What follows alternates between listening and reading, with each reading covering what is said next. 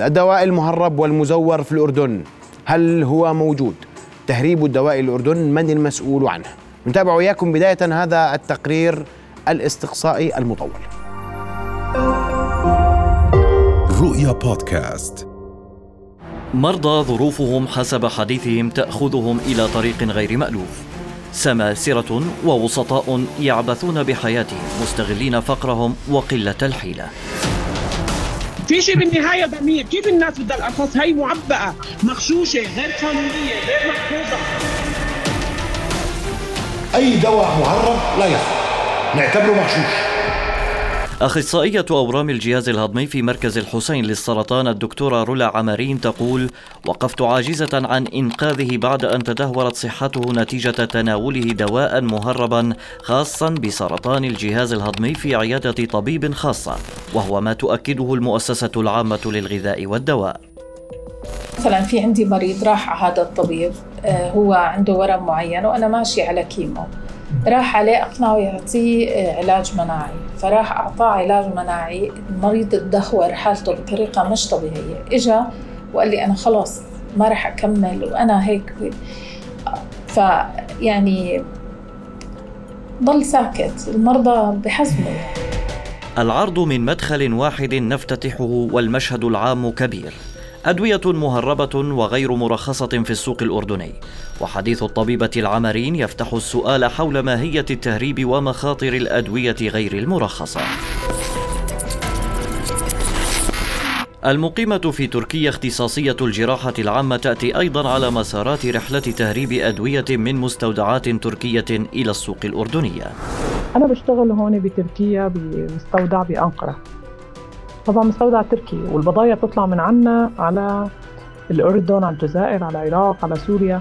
أنا بالنسبة لي يعني أنا مؤمنة أنا بالنهاية أنا دكتورة طبيبة فوقت عم أعطي للمريض الدواء فلازم أعطيه صح يعني مية بالمية. قرار رئيس الوزراء في السابع والعشرين من تموز عام 2022 خلال جلسة مجلس النواب القاضي بالسماح بإدخال الأدوية الشخصية للمريض عبر المراكز الحدودية ضرب فيه قرار المؤسسة العامة للغذاء والدواء بمنع إدخال أي أدوية من دون موافقة الجمارك العامة.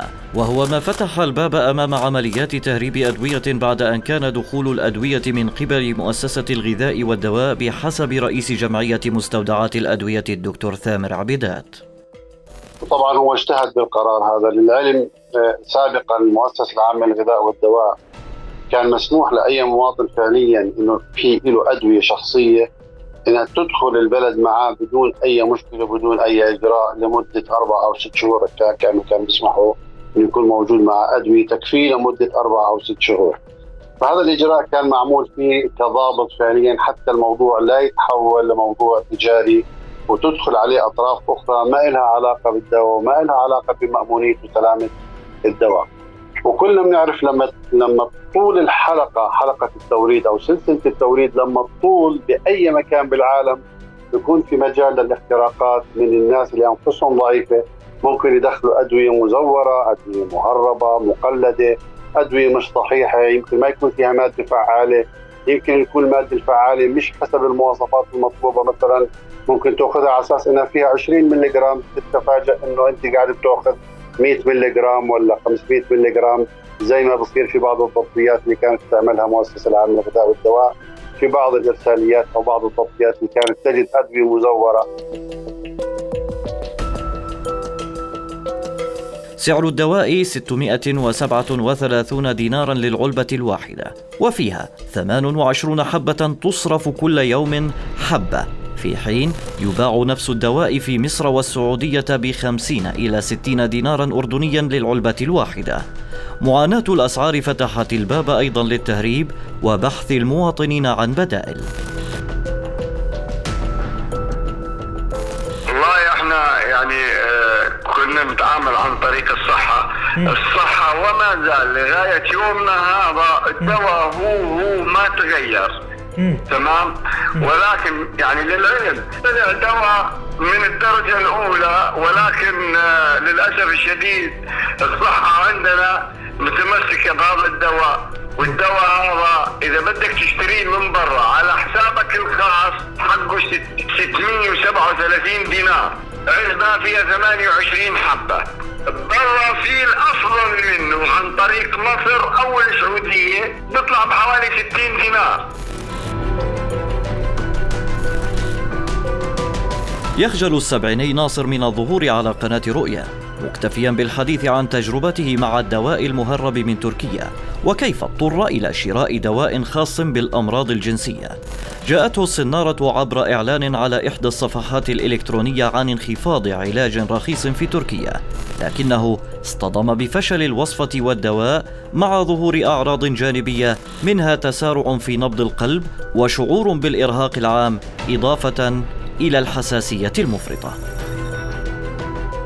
المؤسسة العامة للغذاء والدواء تنسب قضايا الأدوية المهربة والمزورة إلى أشخاص غير مؤهلين لممارسة مهنة الصيدلة، وتحذر المؤسسة من مخاطر تخزين الأدوية بطريقة سيئة، رغم أنها حيوية وخطيرة ومرتفعة الثمن. وتشير إلى ضبط مركز تجاري في العاصمة عمان أثناء بيعه أدوية مهربة غير مجازة لديها. إحنا اللي بنعاني أن هناك في شبكات شبكات دولية سواء قلت من سوريا ولا من تركيا ولا من مصر قاعدة بتقوم بعملية تصدير عبر البريد عبر أرامكس. تعرف إحنا حدودنا بجوز آه يعني آه آلاف الكيلومترات. مع العراق مع سوريا خاصة. وبالتالي قد يدخل هناك بعض الأدوية. هاي الأدوية اللي بتدخل هي غير خاضعة للفحص المخبري لدى المؤسسة العامة للغذاء والدواء. وبالتالي لا نستطيع أن نقول أنها صالحة. ولذلك إحنا لما نقول الأدوية التي تصل إلى المملكة الأردنية الهاشمية عن طريق ال social media وعن طريق البريد وعن طريق المنافذ الحدودية بطريقة أو أخرى مش المقصود فيها الدواء اللي بيجيبه المواطن من تركيا معه علبتين ولا ثلاث علب إحنا بنقول هذه العمليات اللي بتدخل كراتين قاعدة تدخل. هذه تباع قاعدة داخل السوق الأردنية. داخل السوق الأردني دون مرورها على الفحص المخبري لدى المؤسسة العامة للغذاء والدواء.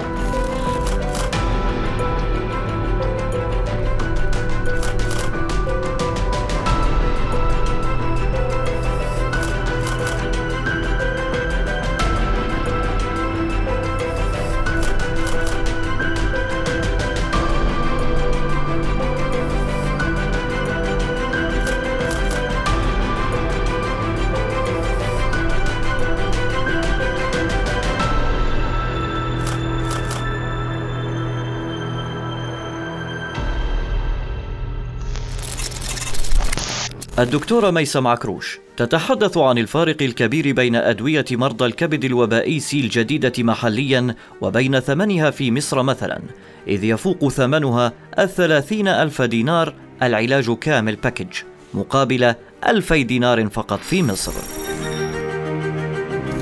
فإحنا مثلا عندنا فيروسات الكبد الوبائية سي الأدوية الجديدة أصبحت تعطي المريض حق لم يكن سابقا بأنه مهما كان متطور الحالة ومهما كان آه، المرض مؤثر على الكبد وعامل تشمع قد آه، يأخذ العلاج ويتحسن ويقضي على الفيروس وهذا أدنى حق من حقوق المواطن طبعا. الحبوب بطل فيها أبر إنما أصبحت حبوب ومتوفرة. الشركة الأصلية الأم تنتج العلاج لمدة زمنية طبعا قصيرة بين ثلاث إلى ست شهور. آه ثمنها يفوق ال 30 ألف دينار. مكافحة الدواء المهرب أو المزور تمر بأكثر من مرحلة تبدأ داخل المراكز الحدودية وقد يتم ضبط أدوية مقلدة أو مزورة سواء تحمل اسما تجاريا من غير وكيلها أو شركتها المصنعة إلى شركة أخرى. وأخيرا تتم متابعة وكشف الأدوية التي دخلت عبر المعابر الحدودية بطريقة غير مشروعة إلى البلاد وفي الأسواق. طائرة من أحد المعروفة عندنا من أحد الدول بدون ذكر اسمها معروف كل الناس اللي تروح هناك تشتري. أدوية قد يكون له علاقة بفرق السعر أو ذلك. كويس. أنا متأكد كل الطائرة بتيجي معها أدوية. كل الطائرة معها أدوية. كويس.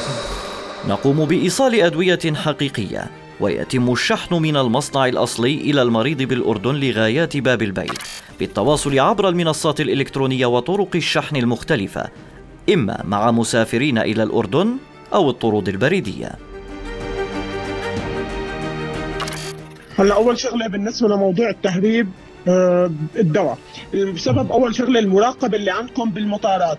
في عندنا هون آه، مح- آه، شركات باسطنبول هن الأردنية بيصدروا هذا الدواء على على الأردن لعندكم بطريقة غير قانونية، يعني أنتم مطار حضرتكم أو أي مطار بدول العالم ما يكون في عليه مراقبه، فأكيد في اتفاقية لأنه وقت اللي عم ياخذوا ما بياخذوا قطعة قطعتين لشخصيتهم يعني لأنه لموضوع الشخصي. ما بياخذوا علاج مثلا لأخوه لأخته أو كذا، لا عم يطلع تجارة، هلا أول شغلة العلبة اللي بيكون فيها مثل اتاكانت بيكون فيها مثلا شريطين، بيفضوا العلبة بيشيلوا الورقة بيحطوا فيها بيطبقوا فيها مثلا ست أشرطة إنه تعتبر هي باكيت واحد. هن تجار هن بالبداية بيك- هن تجار فاتحين شركات بيشحنوا أدوية بي... تجارة يعني عندهم مكتب شحن استيراد وتصدير. بيجي الصيدلاني حصرا من عندكم عم يتصل علي الصيدلاني بيقول لي بدي سكسين. ده بقول له تمام هي لازم تكون مبردة بيستعملوها للتنحيف. هي هي لمرض السكر بس عم تستعمل كثير للتنحيف. هي لازم تكون مبرده محفوظة تبريدها حتى تكون آمنة 100% وتكون صح ما معبأه أو مغشوشة. فهذا الموضوع بيتصل علي الصيدليه اردنيه هن. بيقول لي إنه بدي أنا دواء. طب تمام أنت الدواء حقه 100 دولار. لا دكتورة شفناها ب 20 دولار 25 دولار. طيب كيف أنت صيدلاني مؤمن على هالناس اللي عم تعطيهم هذا الدواء؟ إنه أنت بتعرفه إنه سعرها هيك بتركيا. كيف عم تاخذها ب 20 30 دولار؟ بيقول لي الناس بدها الأرخص. في شيء بالنهايه ضمير. كيف الناس بدها الأرخص؟ هي معبأة مغشوشة غير قانونية غير محفوظة. كيف عم تشتريها؟ عندنا هون مصانع بتركيا عم يشتغلوها عم يصنعوها تصنيع يعني مو بس هي. الأتاكانت اللانتوس السكريات كل شيء موضوع بتعلق بالأنسولين عم يتعبى تعبئة. الشغلات الجنسية كله عم يكون معبأ غير مراقب غير قانوني. طبعا الدولة كلها ما بتعرف فيه والدولة هون عندنا بتركيا طالع حملة على هذا الموضوع وأنا أجبر عندي على البيت مشان هذا الموضوع إنه ديري بالك بالأدوية المغشوشة. الشعب الأردني ما بيتحمل هذا الموضوع بيقول لك الشعب بده الأرخص. طب تمام في حياة كانسر حياة مميتة في أمراض ال- الأورام. هي ما فينا نغش فيها أو ما فينا نعمل أي شيء فيها. فكله عم يسترخص وبياخذ رخيص مغشوشة ما هي مغشوشة. يعني أنا على فكرة كل اللي عم يجوني بيحكوا معي هن صيادلة. طب أنت وين ضميرك يا صيدلاني قضية الدواء المهرب والمزور في الأردن. سيبقى الحديث فيه رسميا أنه ضمن النسب العالمية لكن الحديث عن الضرر الواقع على المواطنين لا إحصائيات ولا نسب فيه.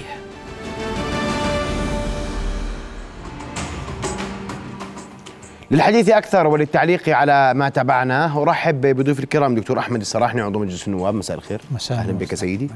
أرحب أيضا من مركز الحسين للسرطان بدكتور منذر الحوارات. دكتور منذر مساء الخير. مساء النور. أهلا وسهلا فيك. راح أبدأ سؤالي عن ما ورد وسأبدأ في تفاصيل ما يحدث وبدنا نعرف شوية تفاصيل أكثر منكم. الدواء في الأردن. سعره مشكلة تهريبه مشكلة توفره مشكلة وكل هاي أسئلة اليوم في ذهن الناس. وبالآخر بنقول المهرب منيح أو مش منيح. وشفت في التقرير دواء مهرب تدهور حالات صحية بسبب دواء مهرب غلى دواء صيادله بيهربوا أدوية. والموضوع صار تجارة اليوم تحديدا مع بلدين تركيا ومصر. شو اللي بيصير؟ بداية يسعد مساك ومساء الأخوة المشاهدين الكرام. أكيد ما رأيناه بالتقرير يعني آه، صعب علينا نشوفه وصعب أنه إحنا نصدق أنه هذا بيحصل في الأردن. لكن للأسف الشديد كونه هذا التقرير آه، موثوق منه يعني يوجد تهريب أدوية يوجد أسعار عالية هذا كلام ما في نقاش. وبالنسبة لتوفر الأدوية نعم يوجد نقص في بعض الأدوية المستوردة من بلاد المنشأ. بدنا نتكلم عن التهريب. آه، تهريب ال- ال- الدواء مثله مثل تهريب أي سلعة أخرى تدخل البلد. ويجب على المسؤولين عن هذه الأمور ضبط دخول الأدوية إلى البلد. إحنا بنتكلم اليوم عن ال- ال- المداخل الحدودية جميعها سواء عن مطارات سواء عن حدود حدود برية سواء حتى عن الحدود البحرية. يجب زيادة الرقابة على هذه المناطق الحدودية وزيادة آه، التفتيش آه، المواد القادمة من آه، دول الجوار والدول اللي إحنا بنتكلم عنها الآن أو اللي تكلمنا عنها. أنا بدي أتكلم عن التهريب بكميات كبيرة، ما بتكلم عن الأدوية اللي بتيجي بشكل شخصي مع المسافرين. أنا ما بقول عن بكيت وبكيتين واحد نعم. راح جاب أنا هذا الكلام اللي بشرحه واحد له دواء وجاب دواء إحنا. بنتكلم عن كميات. كميات. ما حتى نكون واضحين إحنا مع أمام المواطن الآن لما نحكي تهريب لما نحكي أدوية داخل البلد حتى يكون المواطن فاهم إحنا اللي بنحكيه عن المواد ال- الكميات الكبيرة.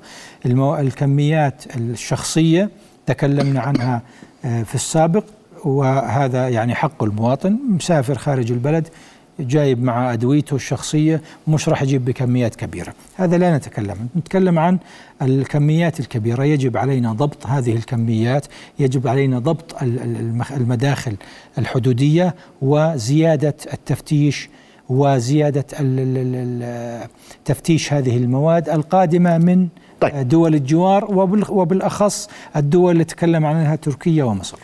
راح أرجع لك في هذا الموضوع لأنه هذا هذا الموضوع معضل اليوم وانت سمعت عن أساليب تهريب حتى. نعم صحيح. أنا دكتور منذر بدي أسمع وجهة نظرك الطبية.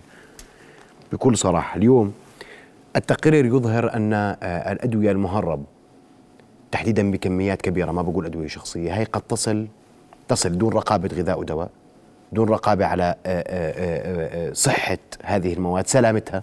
هاي مواد طبية ما فيها مزح. صحيح؟ نعم. وهذا خطير تناوله. صحيح؟ بدون شك اولا مساء الخير إلى كل سعاده النائب وللمشاهدين الكرام، بدون شك الأدوية اللي تدخل بدون رقابة الدولة والجهات المعنية بالذات الغذاء والدواء هي محفوفة بالشك بغض النظر عن مصدرها لأنه هي لا تخضع للأسس الطبيعية والتقليدية لرقابة الغذاء ومع معايرة الشوائب فيها، أحيانا آه، مكان التصنيع، أحيانا نسبة الشوائب، أحيانا آه، الجودة لهذا الدواء. برأيي لا تكون مكتملة وهذا الأمر يلقي بظلال من اللا صحة والضرر على المريض. بالتالي آه، الأدوية المهربة بدون أدنى شك هي ضرر لا يمكن إنكاره أبدا. وبالتالي تجب محاربته. المشكلة أنه محارب الأردن ما كانت فيها ظاهرة تهريب الأدوية لكن المشكلة المهرب الفرد صارت. أتذكر آه، الغذاء والدواء طلبت ذات مرة أنه تفرض ضرائب أو رقابة على ال- ال- ال- المريض الفرد. المشكلة بالتهريب بالأردن الكميات الكبيرة تأتي من الأفراد. لاحظ نسبة الهجرات السياحية اللي أسميها لتركيا. هاي الهجرات السياحية غالبا هي تذهب لغايات محددة لجلب الأدوية ولجلب مستلزمات آه، طبية. غالية الثمن في الأردن وقد تسألني لماذا هي غالية أو غير موجودة وقد تسألني لماذا هي غير موجودة. ويحضروها للأردن يتقاطروا. أنت لاحظ طياراتنا على تركيا لا تفرغ أبدا. لا تفرغ ابدا. هي بكم بإعداد كبيرة من الناس وهؤلاء يذهبوا ويأتوا بكميات ليست سهلة من الأدوية، أنت تحكي عن آلاف المسافرين يحمل معه علبه دواء سرطان مثلا مناعي حق ال- العلبة بالأردن 7000 دينار هناك حقها 2000 دي دي دي دينار تقريبا، معنى ذلك مستوى الربح والفارق بين ال- ال- البلد المنشأ والحالي آه، كبير وهذا يجعل الشركات تغامر. المشكلة أنها كانت فردية إلى مرحلة معينة. الآن هي بسبب غلاء آه، الدواء المرتفع. الدواء المرتفع تفرق مع مع بعض الأفراد إنهم يجيبوه. نعم. لأنه غير متوفر بالبلد أو مرتفع بالبلد. لكن دكتور إنه أنت ذكرت قصه ال- ال- الدواء المناعي وذكرت نعم. نعم. فرق السعر اللي فيه. فرق السعر. وفي حالة في مركز حسين السرطان تابعناها بالتقرير. تناول دواء مناعي تبين جرعة خاطئة الدواء اللي ماخذه مغشوش وهو مهرب. تدهورت حالته يعني هو حتى لو خفض الثمن لكن في في خطورة على حياته. مية بالمية كلامك. ليش هو غالي عندنا أساسا؟ أول شيء لأنه ضمن أدوية التجارب حتى الآن وضمن الأدوية اللي غير مطروقة. يعني بالأردن قد نحتاج 100 مريض بالسنة 200 مريض 300 ألف مريض. بينما تركيا فيها 100 مليون إنسان عدد مرضى السرطان فيها بعشرات الآلاف. بالتالي لها الحق أن تفاوض شركات الأدوية على أسعار محددة ومخفضة. الأردن لا يمتلك هذا الإطار إلا إذا إلا إذا اشترك مع سوق كبيرة. لماذا مصر أيضا؟ لأنه سوقها كبير. لماذا دول الخليج العربي أسعار الدواء أرخص؟ لأنه أيضا هي متحدة كسوق واحدة وبالتالي يمكن لها أن تفاوض الشركات وتحصل على أسعار تفضيلية. هذا غير متاح للأردن لأنه عدد السكان قليل اولا وسوقه ك- ضمن سوق الدواء آه، آه، أيضا محدودة. أنت تحكي 10000 مريض سرطان بالأردن قديش واحد منهم يحتاج علاج مناعي بالسنة؟ آه، لن يكون العدد كبيرا وبالتالي سيبقى سعره منخفضا. أجيك على السعر المنخفض. أحيانا السعر المنخفض يعزف التجار عن جلبه لأنه نسبة أرباحه ضئيلة تجار الأدوية لأنه لما تحكي دواء حقه دينار. أنا بدي أجيب 10000 علبة. 10000 علبة خلي ربحي 25 آه، بالمية منهن. راح تطلع ربحة ربحي قليل. وبالتالي بالنسبة للتاجر العملية إحضاره غير مجدية. وهذا الأمر اللي يؤدي إلى انقطاعه بالبلد لأنه غير مجدي, ربحيا ربحيا للتاجر. وهذا الأمر اللي يخلي بع- بعض المرضى يروح على بلد ثانية يدفع فلوس مشان يجيب علبة دواء يجوز حقها حقها الحقيقي دينار. يجوز يدفع له ألف دينار مشان يجيب علبة دواء حقها دينار. وهذا الأمر حقيقة يرتب أعباء كبيرة على المواطن. هو وين مشكلتنا؟ آه، إحنا مشكلتنا بالأدوية المهربة تجي يأخذها الناس اللي يدفعوا على على حسابهم الشخصي.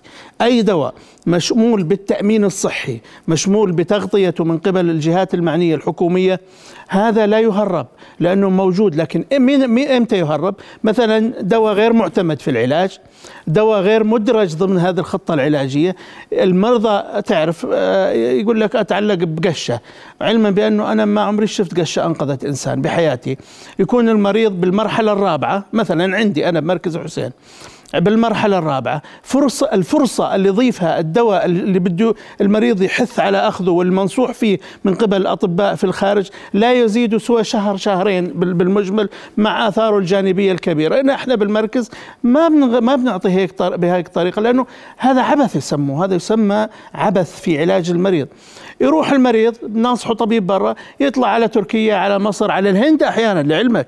بعض المرضى يطلعوا على الهند ويتحمل السفر مشان يجيب دواء نصح فيه والمشكلة إنه بعد ما يأخذوا هذا الدواء إما يطلع مضروب أو في مشكلة.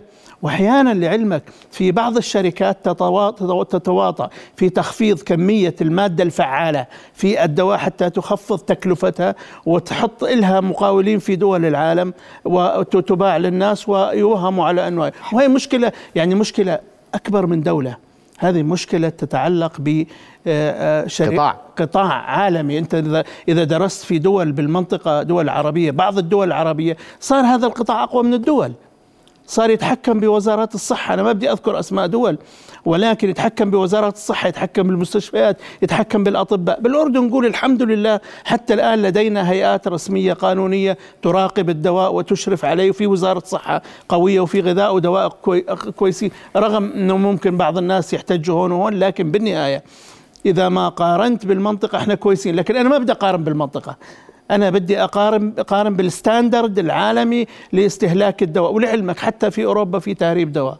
ما بين دول المغرب العربي وأسبانيا ومن أسبانيا المغرب هي رحلة الدواء تتعلق بمستوى دعم هذه الحكومة للدواء من عدم دعمه. في دولة تدعم الدواء ينخفض سعره في دولة ما بتدعمه يرتفع سعره. بالتالي عملية التبادل كمان هذه جزء من عملية طيب. عندك تعقيب دكتور أحمد؟ وأنا كمان يعني- إحنا كمان اليوم اسمح لي. دخل الدواء تهرب. موافق. والتهريب كما ذكر الدكتور وقد نتفق معه أن المعظم فردي. صحيح. لكن الكميات اللي صارت تدخل لأنه كم الأفراد صار كبير وصارت تجارة لدى البعض. صارت مشكلة. طيب.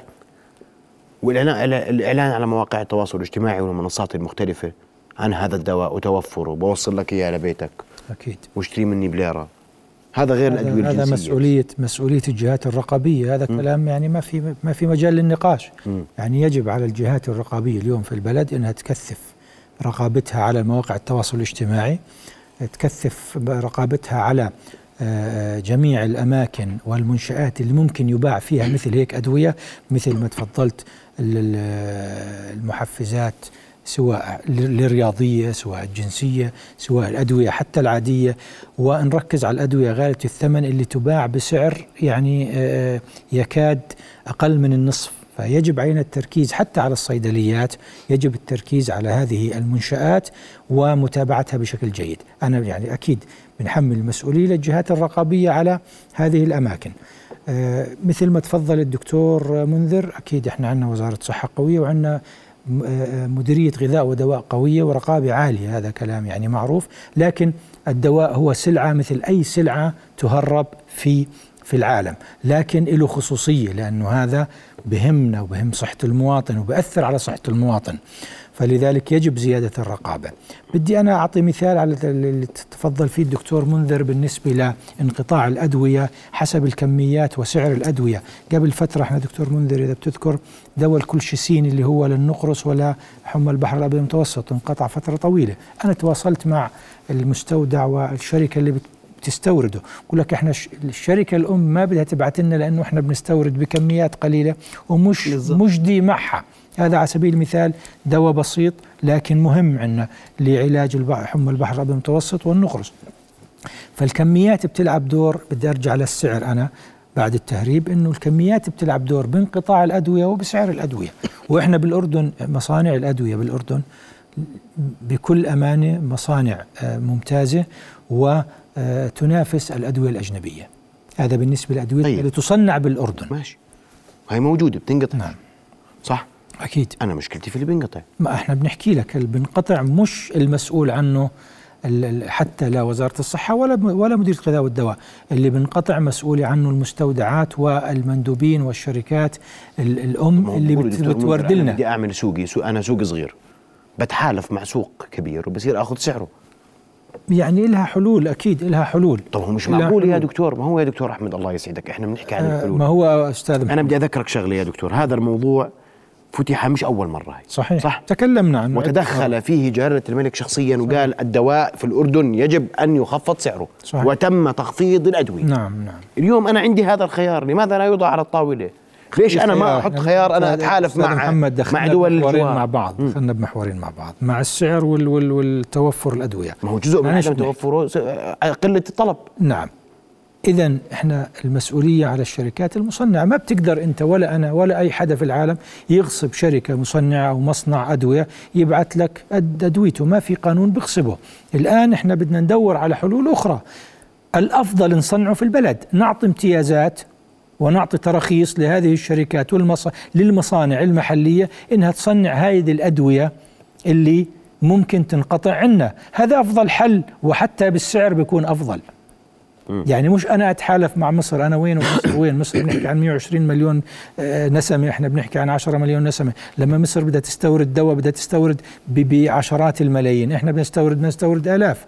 فإحنا صعب نتحالف مع أي دولة أخرى. الصح عندنا وحلها الصحيح إنه نعطي إحنا تراخيص للمصانع. في الأردن ال- المصانع المرخصة نعطيها تراخيص ل لتصنيع الأدوية اللي قد تنقطع في في البلد. طيب. أنا أسمع وجهة نظرك في هذا ال- في هذا الإطار آه، دكتور منذر وأنا اليوم بدي أحارب هذا الموضوع بدي أوقف قضية آه، تهريب الأدوية للأردن.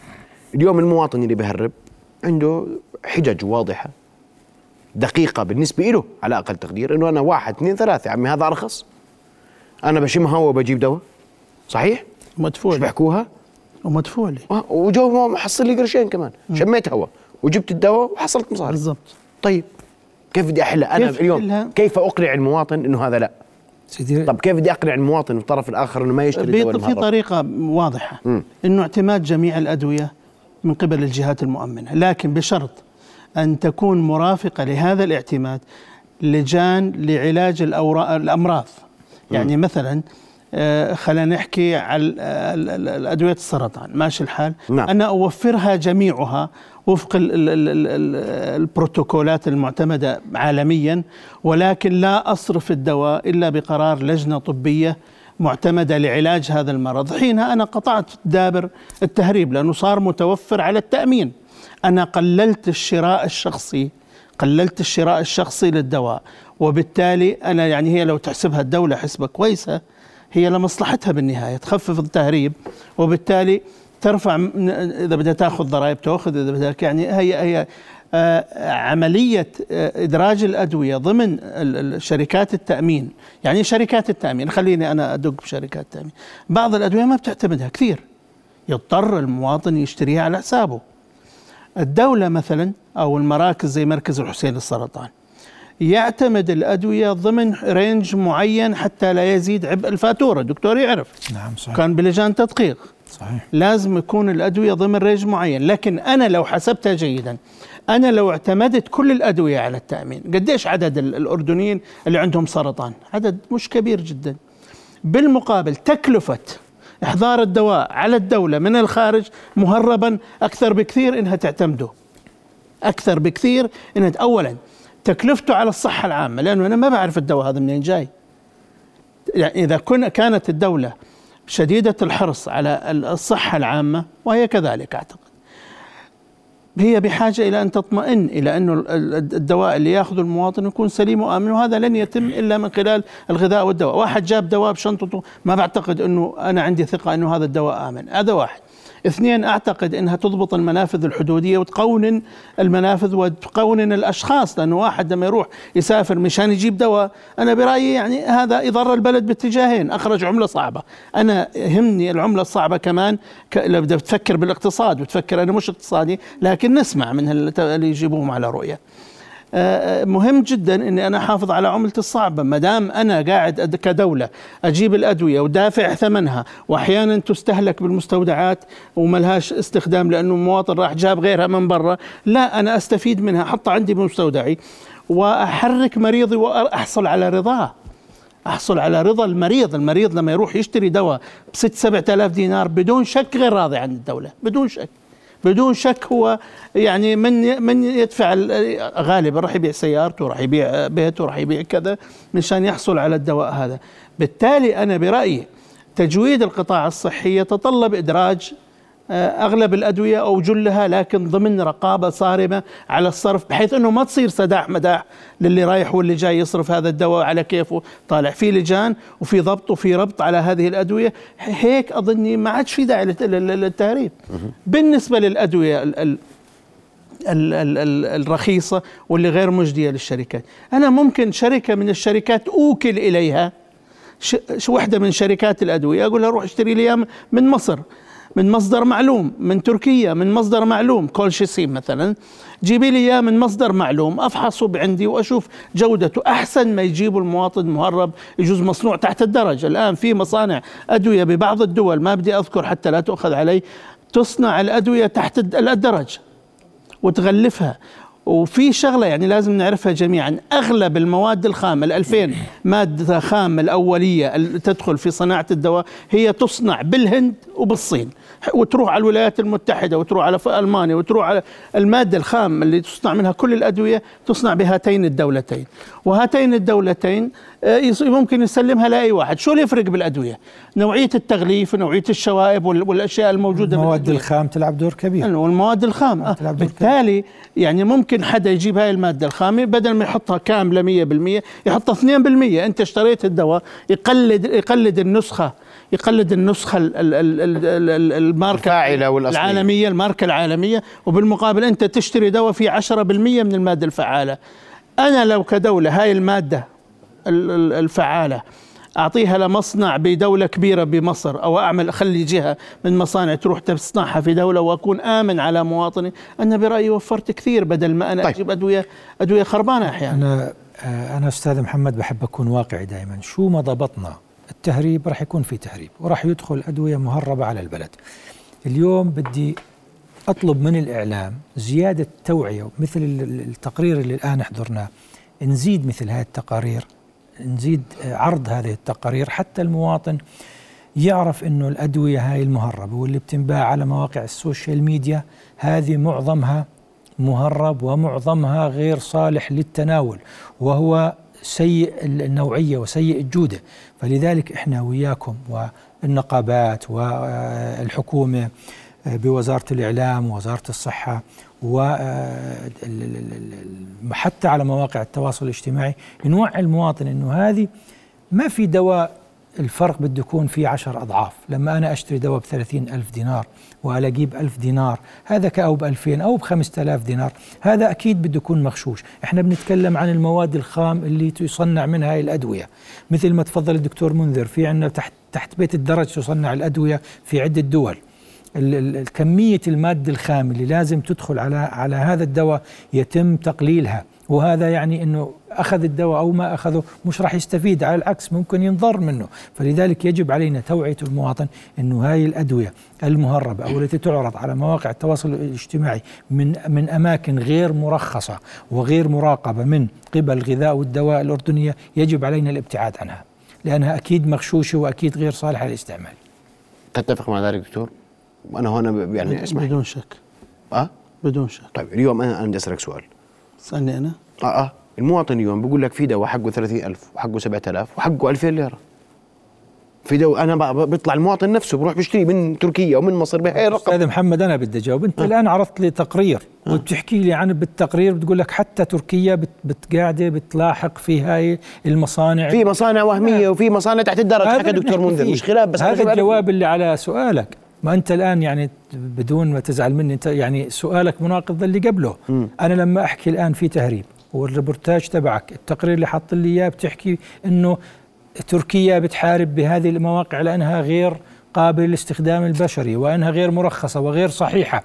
فلذلك إحنا بس في يا دكتور أدوية عندنا حقها 7000 حقها برا أنا, 2000 أنا معك أتفق, أتفق. أنا مش بقول لك واحد 30000 حتى أتكلم- حتى أتكلم. صناعة أردنية واسألني ليش. كيف؟ يعني في بعض الأدوية صناعة أردنية تكون بالأردن أغلى من السعودية مثلا ونفس الدواء ونفس نفس المصنع. الدواء نعم. ونفس المصدر هذا كلام ونفس عليه أنا وياك. لأنه تسعير الدواء بأي بلد بالعالم يؤخذ بعين الاعتبار تسعيره ببلده الد- شركات الأدوية شركات الأدوية تسغ تسعر بالبلد المنشأ بسعر غالي بكل دول العالم من شان تبيع بالغالي بالمقابل أي شركة أدوية تعطي بونص لكل الجهات اللي تتعامل معها. يعني مثلا يا دكتور في دواء حقه عندنا اصبر علي. 100 دينار اصبر و- أستاذ محمد 60 ليرة. في. الادويه اللي. بتحكي عنه كلام بدي أقاطعك تسمح لي. كلامك صحيح. يوجد أدوية غالية الثمن في الأردن بنلاقيها أرخص. هذا كلام ما في مجال بال- بال- بال- بالنقاش فيه. إحنا الآن بنتكلم عن الأدوية المهربة. إذا معك. نحكي عن الأدوية غير أنا معك جزء حق. من مكافحة أنا- تهريب إحنا- الدواء أقلل سعره هون. أستاذ محمد إحنا سعر الأدوية في الأردن أغلى من دول الجوار. أنا بقدرش أناقشك في هذا الكلام. ما حدا بيقدر يناقش لأنه هذا الواقع هذا الواقع. لكن الأسباب أنا آسف قطعت الدكتور منذر اللي كان بده. يتكلم فيها. تفضل. الآن كل شركة دواء تعطيك بونص على الدواء.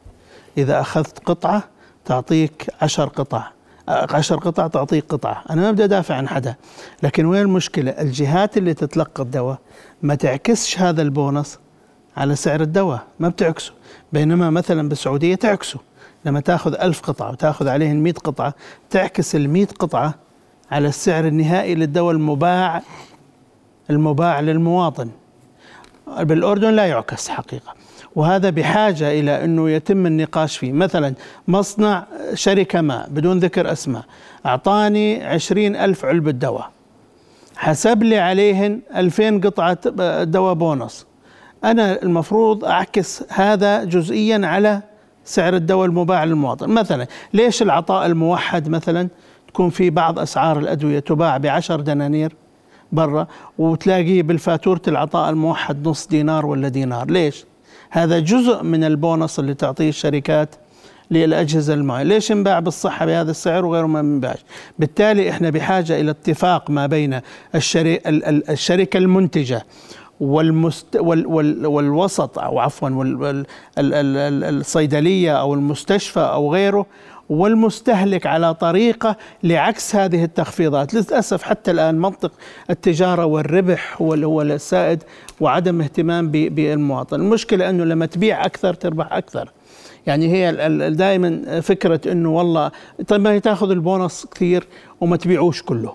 يعني أغلب الصيدليات تأخذ كميات بونص كبيرة وهي يحكوا لي وغالبا ما تستهلكش واحد على عشرة من هذا ال- من هذا ال- الم- الموجود عندها الستوك الموجود عندها ما بيستهلك لو عكسته سعرا سعرا لو عكست البون يعني سهل آه، أنا أطلب هنا أنا أطلب سهل. من الجهات المعنية تسعر وفق ال- ال- المنظومة هاي المنظومة هاي. بالتالي راح ينخفض السعر على بدي أزيد على كلامك آه، دكتور منذر إنه حتى يجب منع هاي البونصات واعطاء البونصات ليس للصيدليات ولا للشركات يعني عكس عكسها على السعر. يعني لما بدي أعطي بونص ليش أعطي بونص؟ أنا أزيد أزيد هامش الربح للتاجر.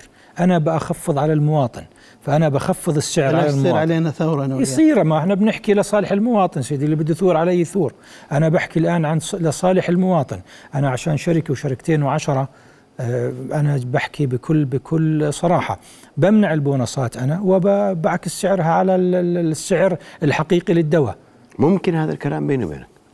صح. يعني اذا إذا بدنا إذا بدنا نتخذ قرار أو أصحاب القرار اللي مسؤولين عن هذه ال- ال- الرقابة وعن التراخيص عادي ممكن يأخذ قرار. أنا برأيي هذا- هي صعب لكن آه، قابل للتطبيق.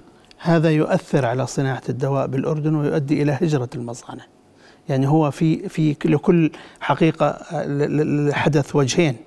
إذا أنا خفضت أسعار الدواء بالأردن راح ينعكس على سعر تصدير الدواء الأردني وبالتالي يقلل من نسبة آه، ربحية هاي الشركات. يعني كثير من الشركات الآن أنا ما بدي أدافع نحكي عن عنهم لكن بالنهاية الداخلية دكتور. أنا أحكي عن الداخلية. أنا أحكي عن المصانع الداخل- الداخلية. الآن هو ربحان ربحان. زي ما حكيت لك هو يعتمد بتسعير الدواء على سعره ببلد المنشأ. وبداخل بلد المنشأ يقدم بونصات. بونصات للمستشفيات بونصات الصيدليات ولكنه بهاي العملية يخفض للصيدلية ولكنه يعطي لل- للسعر للخارجي أنه أنا أبيع ببلدي هيك. وبالتالي أنا ما بقدر أبيعك أقل من بلدي.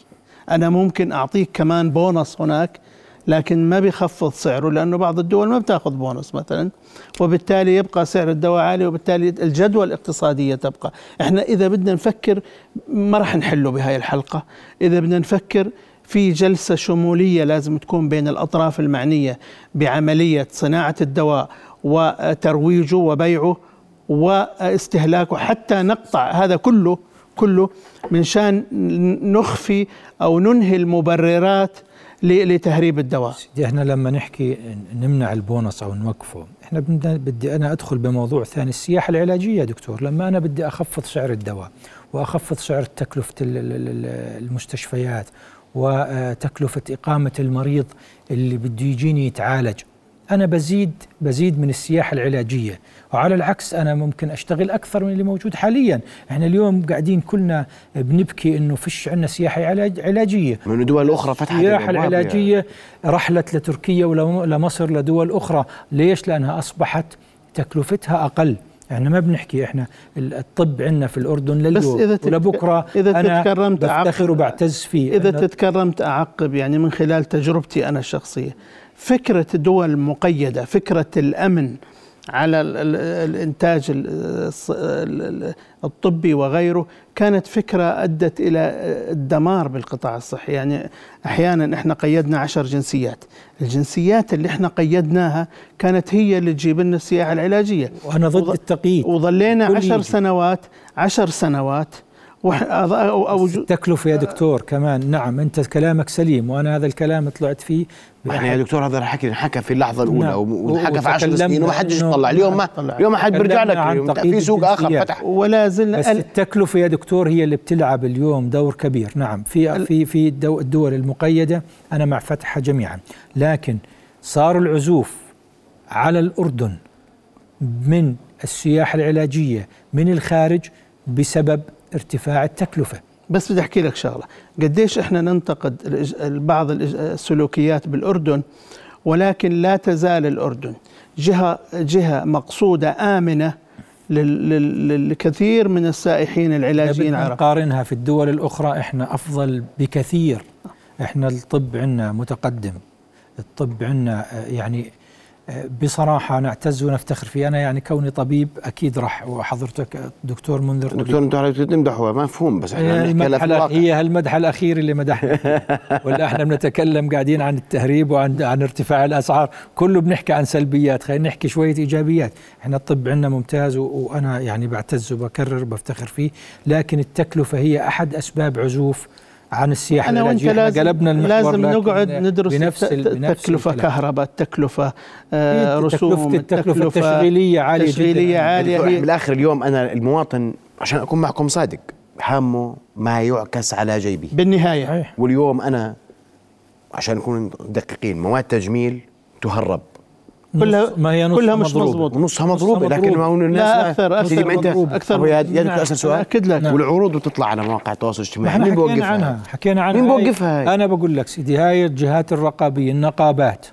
النقابات ولا بتعمل شيء وزارة صعب خلينا صعب ايقافها التراخيص صعب. والمهن. صعب ايقافها لا. والغذاء والدواء هذه هاي مسؤولية مشتركة من عند دخولها من الحدود. طيب.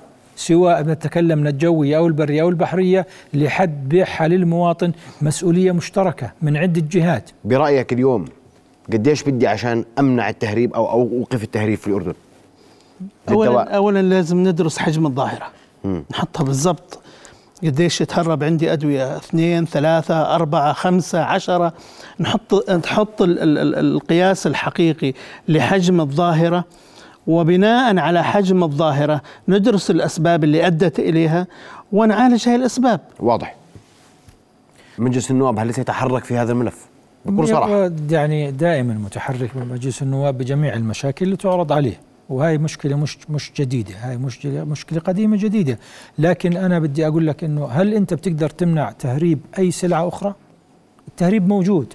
أنا يا دكتور لكن بدنا نقلل مجلس منه. النواب رفع الحديث مع بقول- بصراحة حول التهريب تكلمنا والحديث و- حول أسعار الدواء. وحتى إعادة النظر بالقوانين ال- ال- ال- ال- بالقوانين والعقوبات على هذه ال- ال- على التهريب. أنا معك هذا أحد أحد مسؤوليات مج- مجلس النواب. ما حدا بيقدر يتهرب من مسؤوليته. وإعادة النظر بالقوانين وتغليظ العقوبات على المهربين. نامل ان الكلام- أن نرى ذلك قريبا لأنه. الظاهره عم تزداد. نعم صحيح. وأنتم أطباء وبتعرفوا إنه هذه هاي الأمور اليوم في باتت في مقلقة. أستاذ محمد في عبء عليكم وفي مسؤولية على الإعلام. آه يعني أنا بدي أرجع لك بذاكرة الكورونا. لما عرضنا عدة فيديوهات للمواطن توعوية بالنسبة للمطعوم زاد الإقبال. يعني زاد الإقبال الكبير على المطعوم. لما شفنا. الآن أنا بطلب من الإعلام كمان عرض هذه مثل التقرير اليوم نعرضه بشكل مستمر نوعي المواطن. واضح. يعني حق هذا. توعية صحيح. المواطن إنه لما أنا بدي أروح أشتري حتى يعني خاصة آه، خواتنا الستات لما أنا بدي أشتري كريم تجميلي إذا ما شريته من موقع مزبوط وموقع مرخص يعني هذا هذا في خوف كبير.